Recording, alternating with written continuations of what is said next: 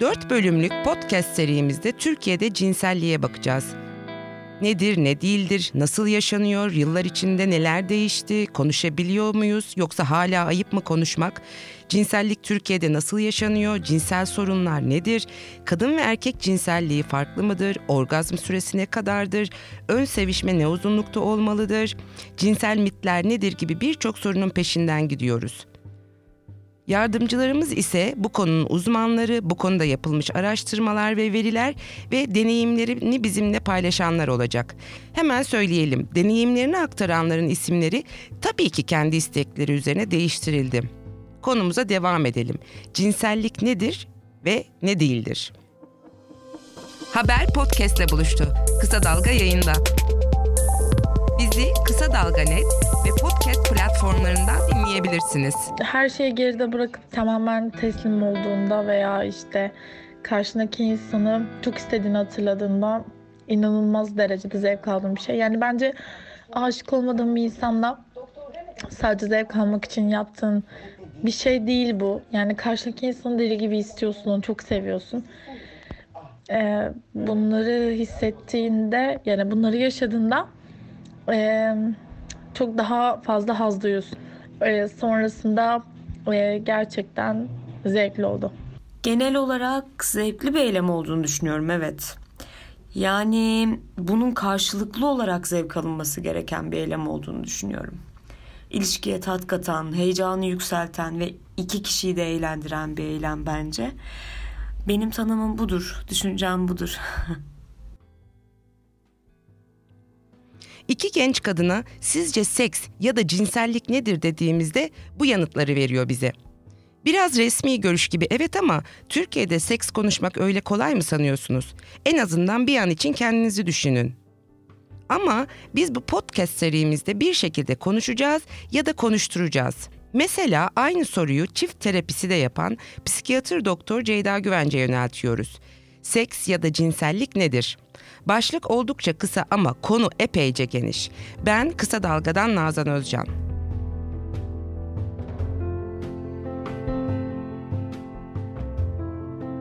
Bizim kültürümüzde daha çok cinsel ilişki eşittir cinsel birleşme gibi bir e, algı var. Ve çoğunlukla örneğin hastalar bize geldiklerinde bir hasta birleşememişse cinsel ilişkimiz yok diyorlar. Ben diyorum ama el ele tutuşarak girdiniz buraya. Sizin bir cinselliğiniz var. Göz göze bak bakışmak da cinsel davranış. Ne bileyim el ele tutuşmak, öpüşmek, dokunmak Bunlar hep bir varyantları ve cinselliğin içinde var olan şeyler. Geçmiş yaşam öykülerini sorarız. Biz onlarla çalışırız. Evlilik öncesi cinselliği nasıl yaşadınız dediğimde yaşamadık diyorlar. Halbuki el ele tutuştunuz mu? Evet. Öpüşür müydünüz? Evet kapış. E, kaçak olarak öpüşürdük. Bizim kültür için tabii ki daha çok. Gerçi o algı da biraz değişti. Dolayısıyla cinsellik adına yaptığımız her şey cinsellik.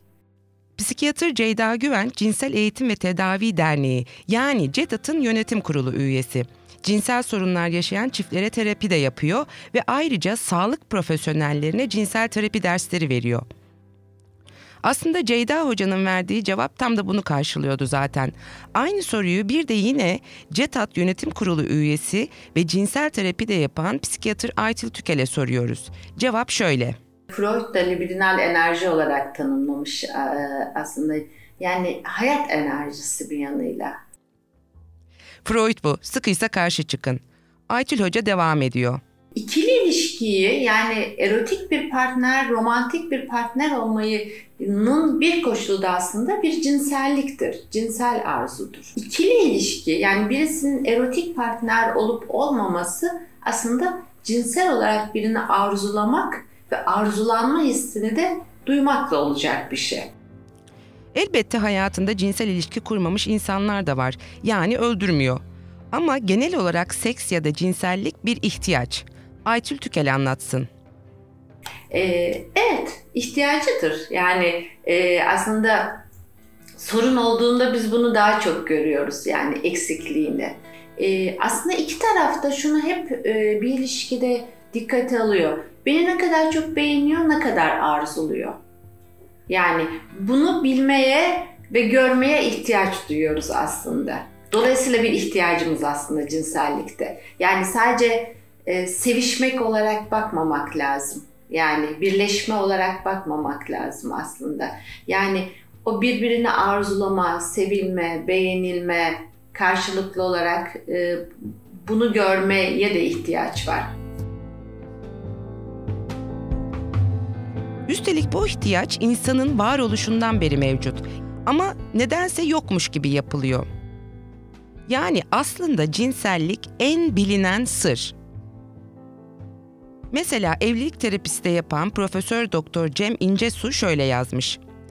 Hem en çok merak edilen, hem de en çok yasaklanan, hem en çok konuşulan, hem de aslında hiç konuşulmayan, çok bilindiği iddia edilen ama aslında çok az bilinen, bir yanda övünülen, diğer yanda ise aslında çok utanılan bir konudur cinsellik.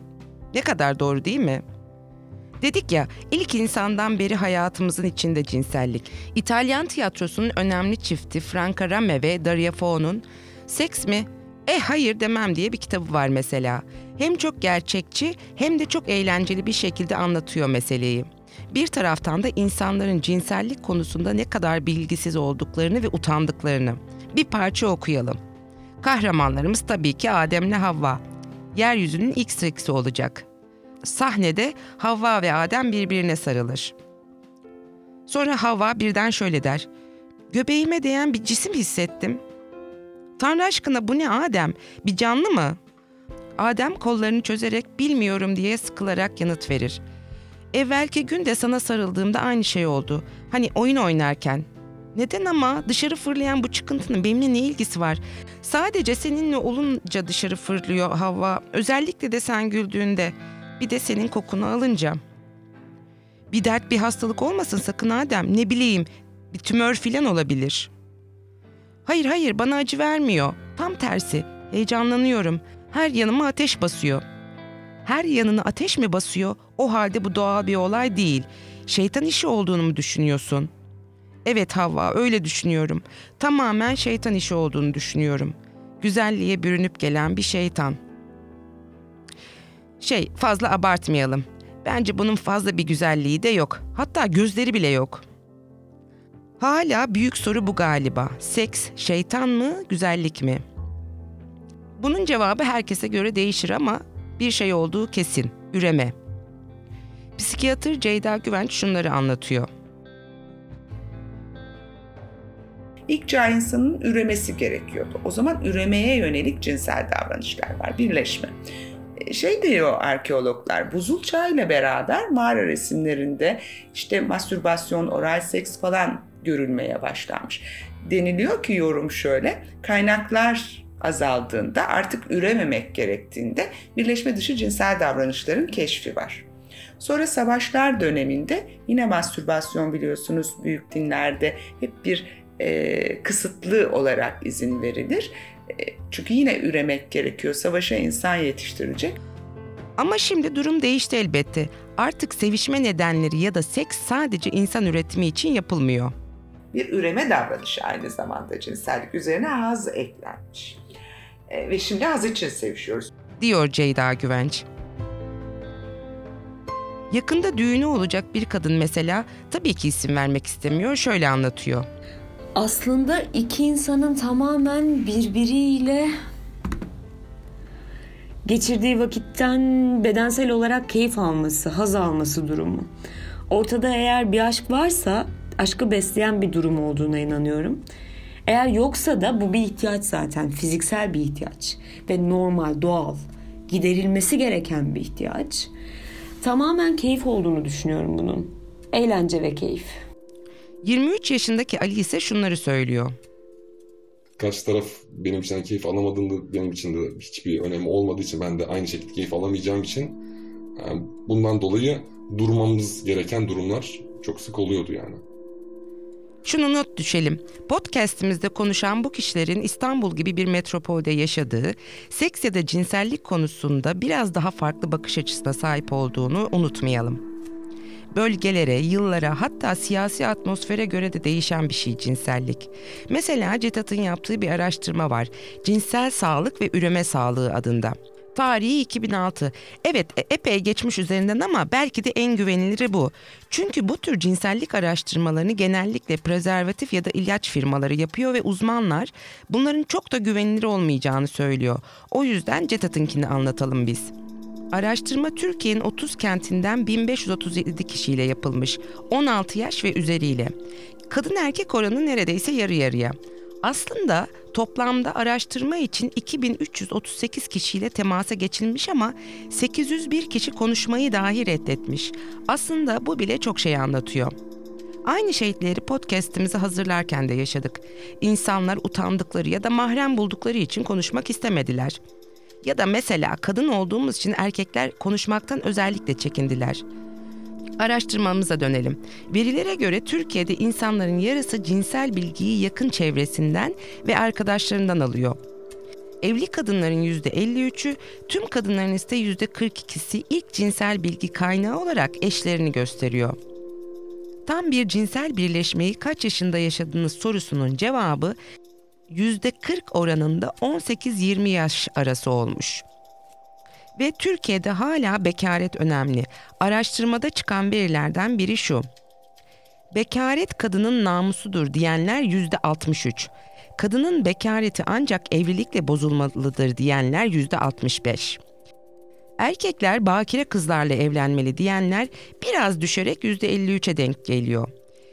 Bekaret kocanın ve babanın namusudur diyenler %57. Yani toplumun yarısından fazlası için bekaret hala en önemli konu. Cetat bir de şu soruyu sormuş. Toplum olarak cinsellik hakkında bilgimiz var mı? Evet diyenler yüzde 42, hayır diyenler yüzde 54, evet çok diyenler sadece yüzde 4. Ama iş insanların kendilerine gelince durum değişmiş. Erkeklerin yüzde 54'ü çok bilgiliyim derken kadınlarda bu oran yüzde 36. Pek bilgili değilim diyen erkekler yüzde 30 iken kadınlar yüzde 45'te. Aynı raporda psikiyatr doktor Mehmet Zihni Sungur, erkekler bildiklerini varsayarlar, kadınlar bilmediklerini bilirler. Ne kadar tanıdık değil mi? Raporda Marmara Üniversitesi Tıp Fakültesinden ürolog Profesör Doktor Tufan Tercan şöyle diyor. Erkeklerden en çok rastladığımız bu konudaki garip bilgisizlikler cinsel organın boyutu. Cinsel organım küçük diye çok önemli miktarda bize başvuran hasta var. Bu hastaları ikna etmekte çok büyük zorluk çekiyoruz ki cinsel organları aslında ufak da değil. Ama bu onlarda inanılmaz bir performans anksiyetesi yaratıyor. Cinsel sorunları da tedavi eden psikiyatr doktor Ceyda Güvenç devam etsin. Kadınlar cinselliği zor yaşıyor ama erkekler de zor yaşıyor. Öte yandan kadına baktığımızda zaten kaybedecek çok bir şey yok çünkü bilmiyor. Çoğu kadın bizim daha önce bir CETAT'ın Avrupa Birliği ile birlikte yaptığı bir çalışmada örneğin Türkiye'li kadınların %80 gibi oranda cinselliği eşinden öğrendiğine dair bir sonuç çıktı. Hakikaten e, ve öğrenememe de tabii ki burada cabası. Ceyda Hoca toplumdaki cinsel bilgiye bakınca kadın erkek ayrımı yapmadan yıllar içinde bir değişimden bahsediyor. Evet ilerleme var hani Türkiye'de. Daha haz odaklı sevişmek için ilerlemeler var ama çok da yeterli değil. Ama gene de şunu ekliyor. 10 yılda falan çok şey değişti. Cinselliğe baktığımızda aslında kademeli öğrenme iyi bir şey. O kademeden kastım mastürbasyonla kendi bedenini tanımak, sonra başka bir partnerle bir paylaşıma girmek ve orada da işte öpüşmelerle başlayıp yarı çıplak sevişme, çıplak sevişme, birleşme gibi gitmenin en iyi öğrenme biçimi olduğundan bahsediliyor. Türkiye'de tabii bir kısım hala öyle e, mastürbasyon yasak özellikle kadınlar için ama bazen erkekler için de e, birleşici yani ilk gece dediğimiz kavram bizim için işte evlendiğinde bir beden tanınacak, karşılıklı tanınacak ve tanınmayan organlarla özellikle kadınlar için yok sayılan organlarla bir cinsellik yaşanacak. Şimdi bu hakikaten böyleydi ve bu bir sürü cinsel sorunu beraberinde getiriliyordu. Özellikle birleşememeye dair zorluklar, ilk gece korkuları, vajinismuslar ya da erkeklerde performans kaygısıyla olabilen sertleşme bozuklukları zaman içinde hani araştırmalar mesela şunu söylüyor. Üniversite öğrencileri arasında mastürbasyon oranları sorgulayan çok fazla araştırma var. E, erkeklerde yine miktar aynı %98'lerde aşağı yukarı tabii seyrediyor. Kadınlarda %60'lardan 90'lara doğru bir evrilme var ki bu aslında temel cinselliğin öğrenilmesi için çok da önemli bir oran. Keza yine e, bir parça daha e, gençlerin demeyeyim aslında bir 20-30 yıllık bir kuşağın cinselliğe bakışı değişti, gelişti diyelim. Ya da anne babaların yetiştirme biçimi de gelişti. Artık herkes bu pedagogları dinliyor, psikologları dinliyor, televizyonlar, medya aslında e, birçok yanlışı olmasına rağmen medya çok da ileri bir yere götürdü. Konuşulabilir oldu aslında cinsellik. E, dolayısıyla biraz daha farklılıklar oldu. Ne gibi farklılıklar bunlar sorusunun yanıtı şöyle oluyor. Ee, yani birleşmeyle başlamayabiliyor artık cinsellik. Ee, ya da erotik materyale bakışta birazcık farklılıklar oldu. Pornografi vesaire. Bunlar doğru kullanıldığında kötü şeyler değil ama onlarla öğrenmek sıkıntılı bir şey. Ee, çocuk mastürbasyonları ya da işte e, küçük meraklar daha doğru yaklaşılabilir oldu. Örneğin eskiden çocuklar hakikaten genital organlarını tanırlar. Klasik bir mastürbasyon değildir o ama fark ettiği, haz alan organları fark etmesidir. Bunların cezalandırılmaları falan azaldıkça aslında nesillere daha olumlu yanları oldu. Ama mesela bir aydır evli olan Merve için işler hiç de öyle ilerlememiş. İlk gece korkusu Türkiye'deki birçok kadında olduğu gibi ona da uzunca bir süre sorun yaşatmış bir korku var, bir baskı var. Evlendikten sonra da bu böyle esasında. Evleniyorsun. Ee, yani aslında her şey tamamen bitti. Hani öyle düşünüyorsun. Başlayacak artık hani bir şeyler yapman gerekiyor. Hep o baskı yüzünden kendini kilitliyorsun, korkuyorsun, titriyorsun. Bu şekilde başladı ilk deneyimim. Kulağınız bizde, kısa dalgada olsun. Haber podcastle buluştu. Kısa Dalga Podcast. Peki yine verilerimize dönelim. Özellikle de araştırmada çıkan bu bekaret saplantısına. Ne de olsa cinsellik deyince son dönemlerde birçok kişi ne kadar dejenere olunduğundan şikayetçi. Sanki dünya bekaret meselesi üzerinde dönüyormuş gibi aileyi über koruma dernekleri bile koruluyor. Bu arada hemen söyleyelim sanki aile denilen şey içinde seks yokmuş gibi davranılıyor. Siyasiler kadın kız ayrımı yapıyor. Konusu bile açıldığında aa büyük günah, çok ayıp, cehennemde yanarsınız gibi fetvalar veriliyor. Özellikle de muhafazakar kesimde. Ceyda Güvenç 20 yıllık mesleki gözlemlerine dayanarak şunları anlatıyor. Yani farklılaşıyor hakikaten. Daha fazla insan daha erken yaşta istediği ile e, istediği partnerle cinsel birleşme yaşayabiliyor gibi gözüküyor. Tabi burada ben İstanbul'da çalışıyorum. Doğudan hasta da geliyor ama e, yine de ama hani bir yerlerde o e, erkeklerin düşüncesiyle ilgili e, acaba ne derlerle ilgili kaygılar sürüyor. Erkeklerde arttı. E, bekaret demeyeyim, bakir olma arttı. E, o ilginç bir veri belki. Hani kadınlarda azalırken erkeklerin e, evlenmeden diyeyim, hakikaten o evlilikle bağdaştırılan cinsellikten kaçınmaları biraz artmış gibi gözüküyor ve cinsel isteği az erkeklerin başvuruları da biraz artmış gibi ya da partnerlerinin zoruyla başvurular artmış gibi gözüküyor. Aytül Tükel'in de tespiti benzer.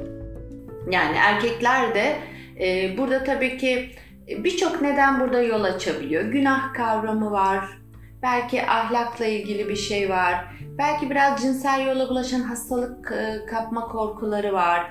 Burada tek bir şeye bağlamak doğru değil belki. Bu üç faktörün de etkili olduğunu düşünüyorum. Ee, ve dolayısıyla da erkeklerde de ilk cinsel birleşmesini eşiyle yaşayan var. Ve bu ileri bir yaşta evlenince aslında birazcık cinsellik yaşı bence ileriye e, attı diye düşünüyorum.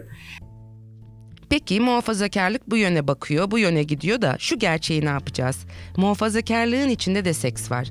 Daha doğrusu cinsellik olmayan bir dünya ya da hayat yok. Bir tarafta da modern yaşamlar var. Artık birlikte yaşayan çiftler, evlilik öncesi birlikte olmayı özellikle önemseyenler mesela. Ayrıca elbette evlilik içinde de artık bir önceki kuşağın seks hayatı devam ettirilmiyor. Devir de, kültür de, dünyaya bakış da değişti. Burada sözü Aytun Tükel hocamıza veriyoruz. Ülke aslında biraz belki ikiye bölünmüş durumda. Birçok alanda bölündüğü gibi. Ee, evet bir kesim daha fazla e, bu bekarete fazla önem vermiyor e, ve güvenli hissettiği, yakınlık hissettiği, e, bunu paylaşabileceği bir partner olduğu zaman cinselliği yaşayabiliyor. Ee, ve çoğu kez de zaten isteyerek e, yaşadığı için de çok fazla sorun yaşamıyor. Ama bir yanıyla da bir kesimde tabii ki bir bekaretin önemi var hala. Ee, evlilik öncesi cinsel birleşme denememe.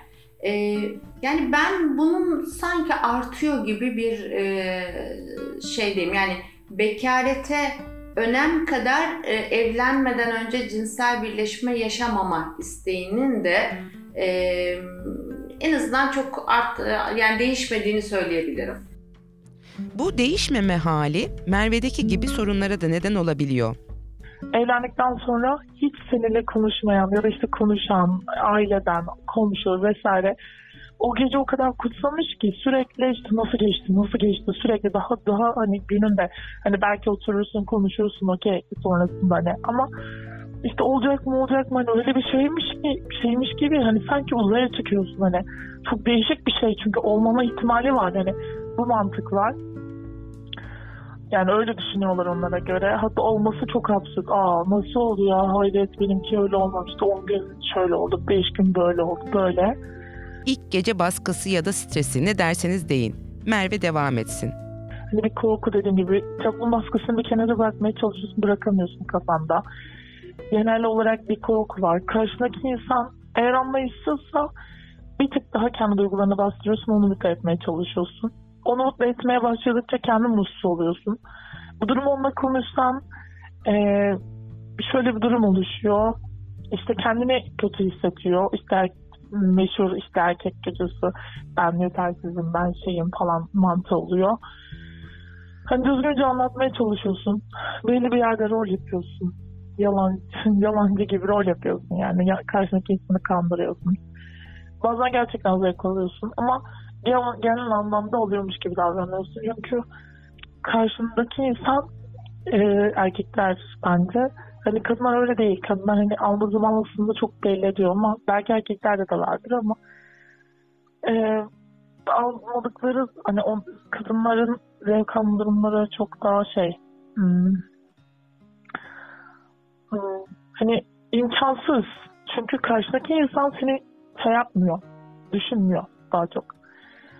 Ondan sonra o yani artık belli bir süreden sonra anladığını farkına varıyor, rol yaptığını farkına varıyor, seni mutlu etmeye çalışıyor vesaire. Şu an için böyle bir süreçteyim. Henüz çok yeni evli olduğum için ama e, yakınlarımdan dinlediğim kadarıyla söyleyeyim. Ve bu arada ben gelip de sormadım kimse nasıl geçti nasıl geçti falan diye hususi sorduğum bir şey olmadı ama yakınlarımdan sorduğum kadarıyla söyleyeyim. Onlar genellikle şöyle bir şey söylüyorlar. Belli bir süreden sonra oturuyor. Çünkü dediğim gibi e, Türkiye'de böyle. Yani ülkemizde böyle. Erken denin yok. Yıllarca hanım kız ol diye baskı yapılan kadınların bir gecede seks abidesine dönüşmesi tabii ki mümkün değil. Toplumsal baskı Merve'nin anlatımıyla devam etsin.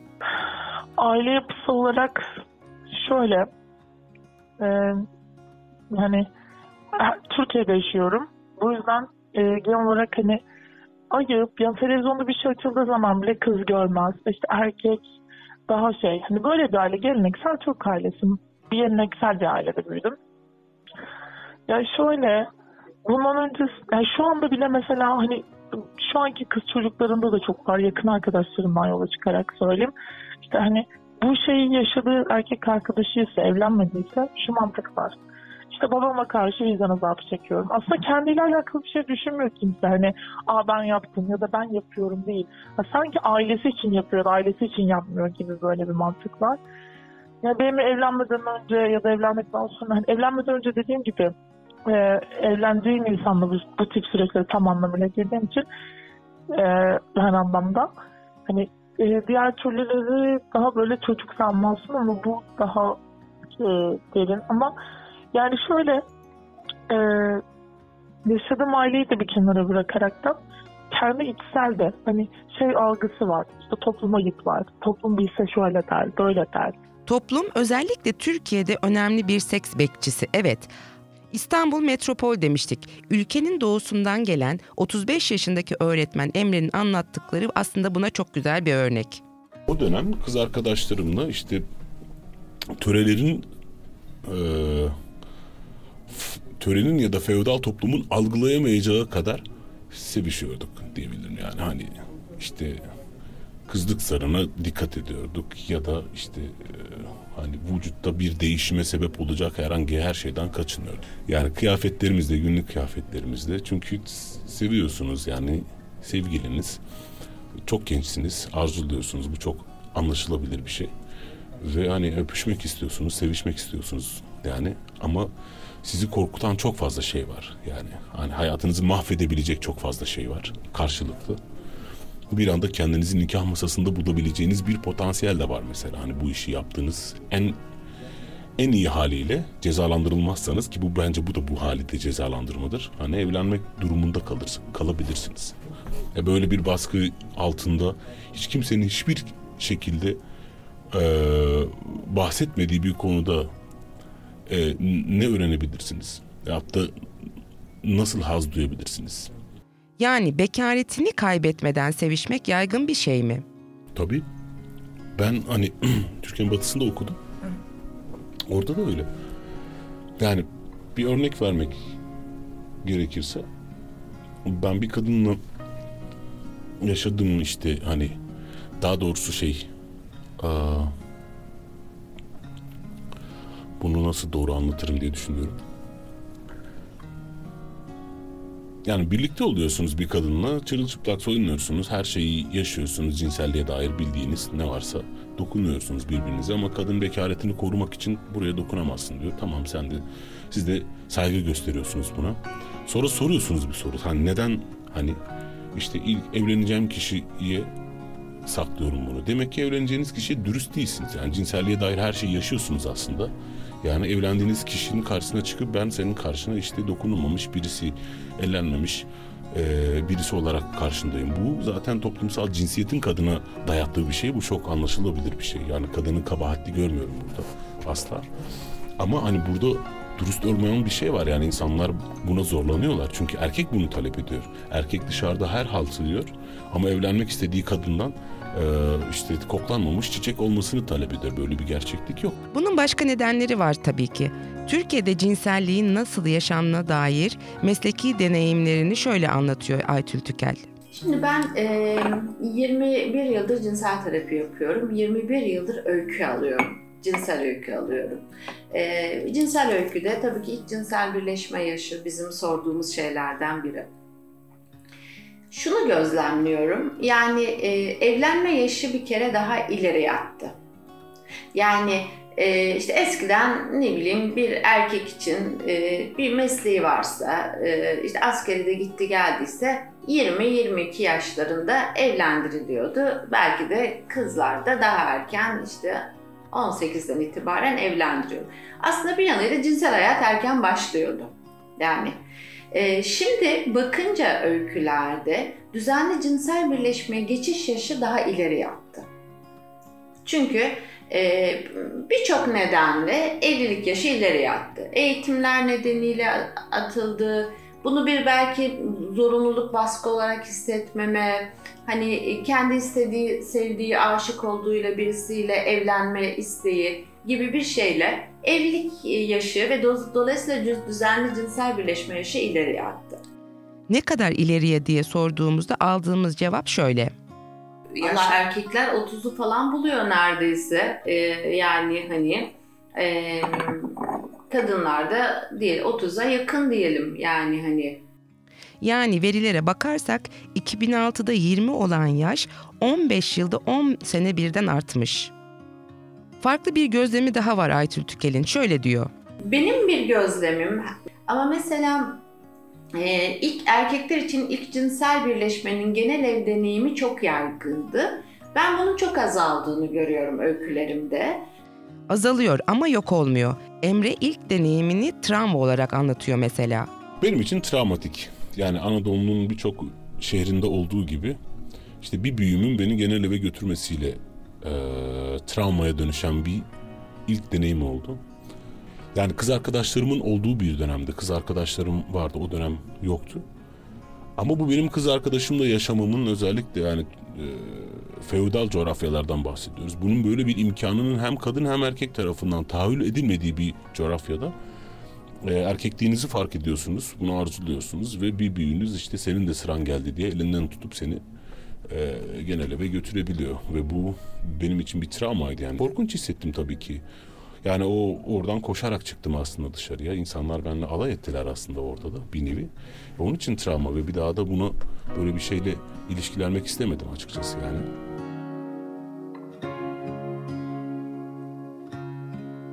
Peki Türkiye'de insanlar nasıl sevişiyor? Farkındayız garip ve zor bir soru ama merak edilen de bir soru. Mesela sevişmenin sıklığı ne kadar olmalı diye Google'da o kadar çok arama yapılmış ki. Ya da Kadınlar Kulübü sitesinde bu konu epey konuşma sebebi olmuş. Örneğin bir yıllık evli bir genç kadın ilk doğru dürüst ilişkimizi kendi çabamızda evlendikten 3 ay sonra yapabildik. Ancak her seferinde yaşadığım acıdan dolayı ilişkiye haftada 2-3 kere girmeye korkuyorum. 3 haftada bir yapabiliyorum desem çok affedersiniz orgazmda hiç olmadığım için artık bu iş bana çok çekici gelmemeye başladı. Doğrusu bu. Atıyorum 5 yıllık evliler haftada kaç kere yapıyor? Yeni evliler kaç kere yapıyor diye bir soru soruyor ve diğer bütün kadınlar yardıma koşuyor. Birisi şöyle diyor. Kötü bir şey değil ki cinsellik, yemek içmek kadar doğal. Sıklık konusunda canınız ne zaman isterse o zaman olur. Ben 5 yıllık evliyim. Haftada 3-4 kez. Bazen artıyor, bazen azalıyor. Bu size göre değişir.'' Başka birisi de şöyle diyor. Bunun belli bir sayısı yok ama 3 haftada bir de az bence. Başka bir cevap, canım bizim toplumumuzda hep cinselliği pis olarak, kötü olarak gösteriyorlar, öyle öğretiyorlar. Evlenince de cinselliğe alışmak ve sevmek için ciddi bir mesai gerekiyor. Ben de ilk evlendiğim zamanlarda keşke cinsellik hiç olmasaymış falan bile diyordum. Ama şimdi alıştım ve hayatımın birinci önceliği haline geldi. Ben bir kadınım, cinsellik benim hakkım de sürekli. Seks çok keyifli de. Ama içinden diye not düşmüş.